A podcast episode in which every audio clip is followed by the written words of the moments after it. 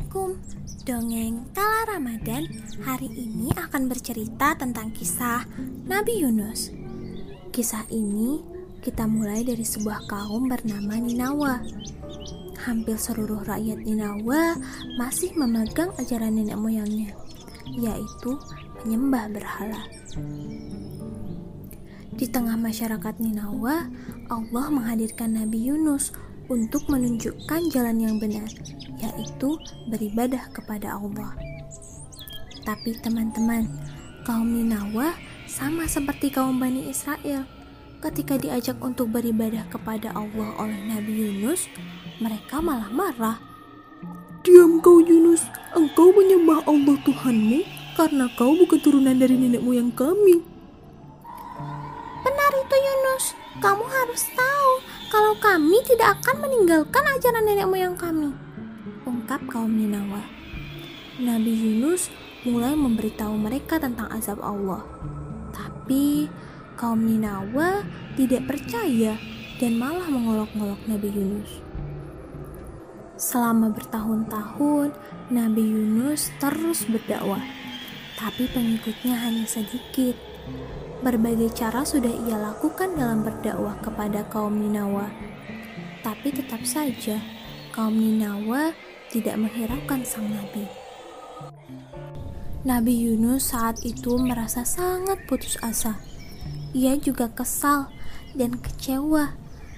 Dan kemudian Nabi Yunus berdoa kepada Allah untuk dipindahkan ke tempat yang lain untuk berdakwah. Dan ternyata Di sinilah tempat ujian Nabi Yunus. Ia tidak sabar untuk mendakwahi kaum Ninawa dan memutuskan untuk pergi. Nabi Yunus terus berjalan menjauhi kaum Ninawa dan sampailah ia di tepi pantai. Saat itu, ia melihat ada sebuah kapal yang hendak berlayar. Nabi Yunus pun memutuskan untuk naik dan ikut berlayar. Orang-orang di kapal tahu loh teman-teman kalau Nabi Yunus yang ikut dengan mereka. Tapi ia tidak ditegur oleh siapa pun. Nah teman-teman, bagaimana nasib kaum Ninawa ya setelah Nabi Yunus pergi?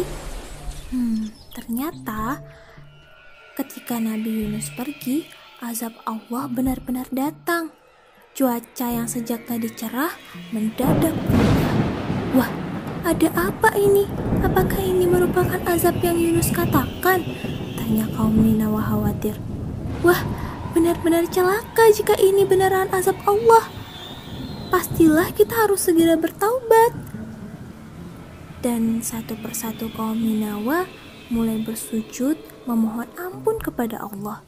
Mereka bertaubat dan mengerjakan semua yang Nabi Yunus pernah sampaikan.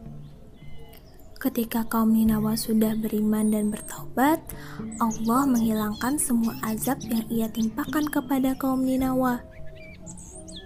Oh iya teman-teman, gimana dengan Nabi Yunus ya yang sedang berlayar? Penasaran tidak?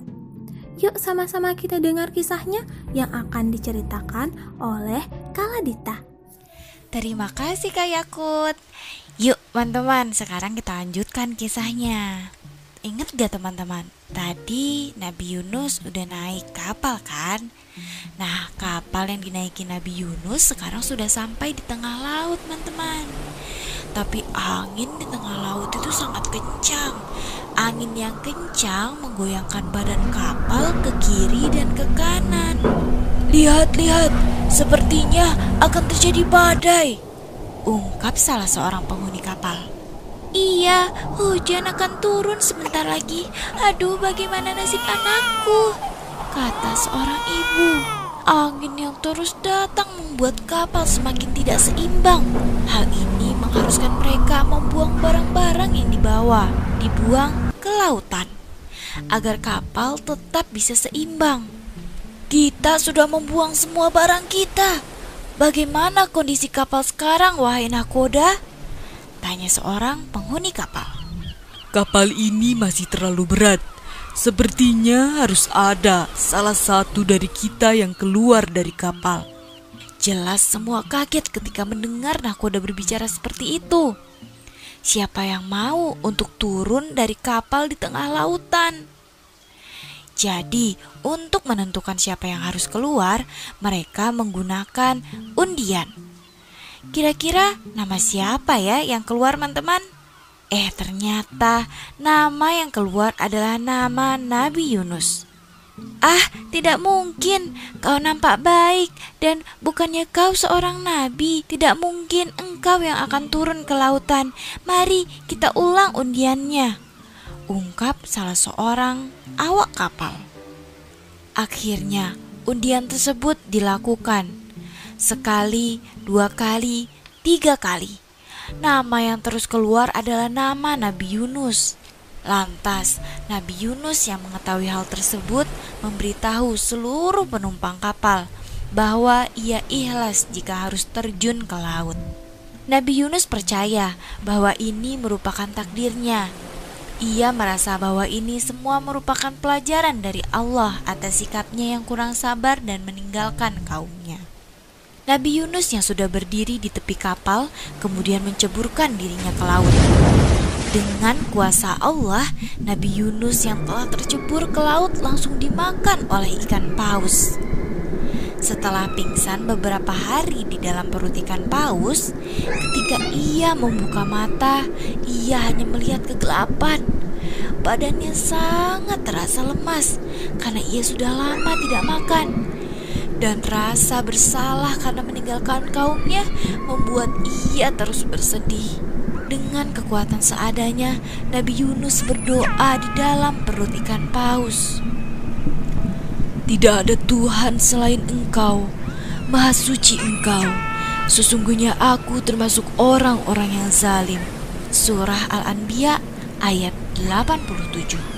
Allah yang Maha Pengampun lagi Maha Pemurah, kemudian melalui ikan paus, ia melemparkan Nabi Yunus ke sebuah pulau yang tandus. Allah sudah mengabulkan doa Nabi Yunus. Allah pun menumbuhkan tanaman di dekatnya untuk dapat dimakan oleh Nabi Yunus. Nabi Yunus yang melihat tanaman tersebut langsung memakannya. Ia kembali bertenaga, dan setelah sehat, Nabi Yunus kembali pulang kepada kaumnya di Ninawa. Ia disambut hangat oleh kaumnya, dan mereka telah banyak berubah. Mereka sudah beriman kepada Allah Subhanahu wa Ta'ala.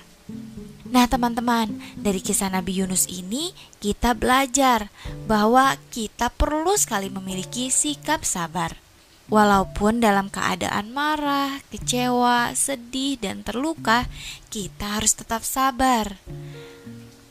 Di sini juga kita belajar bahwa Allah Subhanahu wa taala akan mengampuni hambanya dengan syarat kita harus bersungguh-sungguh dalam bertaubat.